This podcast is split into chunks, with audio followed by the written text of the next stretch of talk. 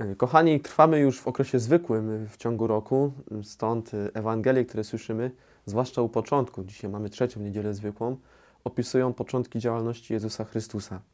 I w dzisiejszym fragmencie świętego Mateusza dowiadujemy się, że Jezus po uwięzieniu Jana Chrzciciela wraca do Galilei, czyli do miejsca, z którego wyszedł. Co ciekawe, nie osiada w Nazarecie, w rodzinnej miejscowości swojej matki, ale osiada w Kafarnał na pograniczu ziem Zabulona i Neftalego, to są dwa pokolenia Izraela. I w ten sposób Mateusz zaznacza, że wypełniają się słowa proroka Izajasza, że to Galilea Pogan stanie się miejscem głoszenia Ewangelii. Tak też się dzieje. Jezus osiada w Kafarnaum, przygląda się mieszkańcom tej miejscowości, a że to jest miejscowość nad Jeziorem Galilejskim, więc jest pełna rybaków.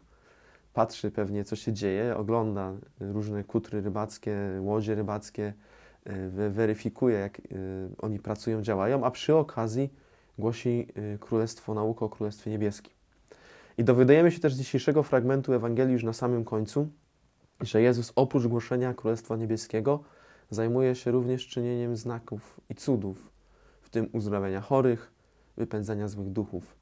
Stąd y, ma wielki posłuch wśród ludu, y, no bo wiadomo, tam gdzie dzieją się jakieś znaki i cuda, tam również pojawiają ludzie, niektórzy ciekawi, inni z potrzebami, ale w każdym razie to, co jest istotne i najważniejsze, że Jezus temu ludowi może głosić Ewangelię.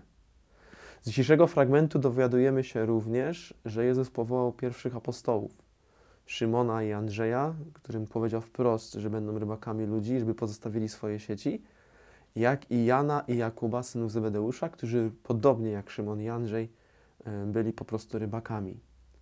E, to jest też piękne, że Jezus musiał ich obserwować wcześniej, jak wspomniałem, będąc kafarną, widzieć ich pracę i zauważyć, że oni mają predyspozycję do tego, żeby być rybakami ludzi. E, dlaczego też o tym mówię? Dlatego, że my jesteśmy ciągle obserwowani przez Pana Boga. W większym, mniejszym stopniu ktoś może pomyśleć, ale na pewno jesteśmy, bo Bóg nas kocha. A kogo Bóg kocha, tego Bóg po prostu obserwuje. Daje mu wolność, wolny wybór, tak jak dał y, apostołom, ale obserwuje.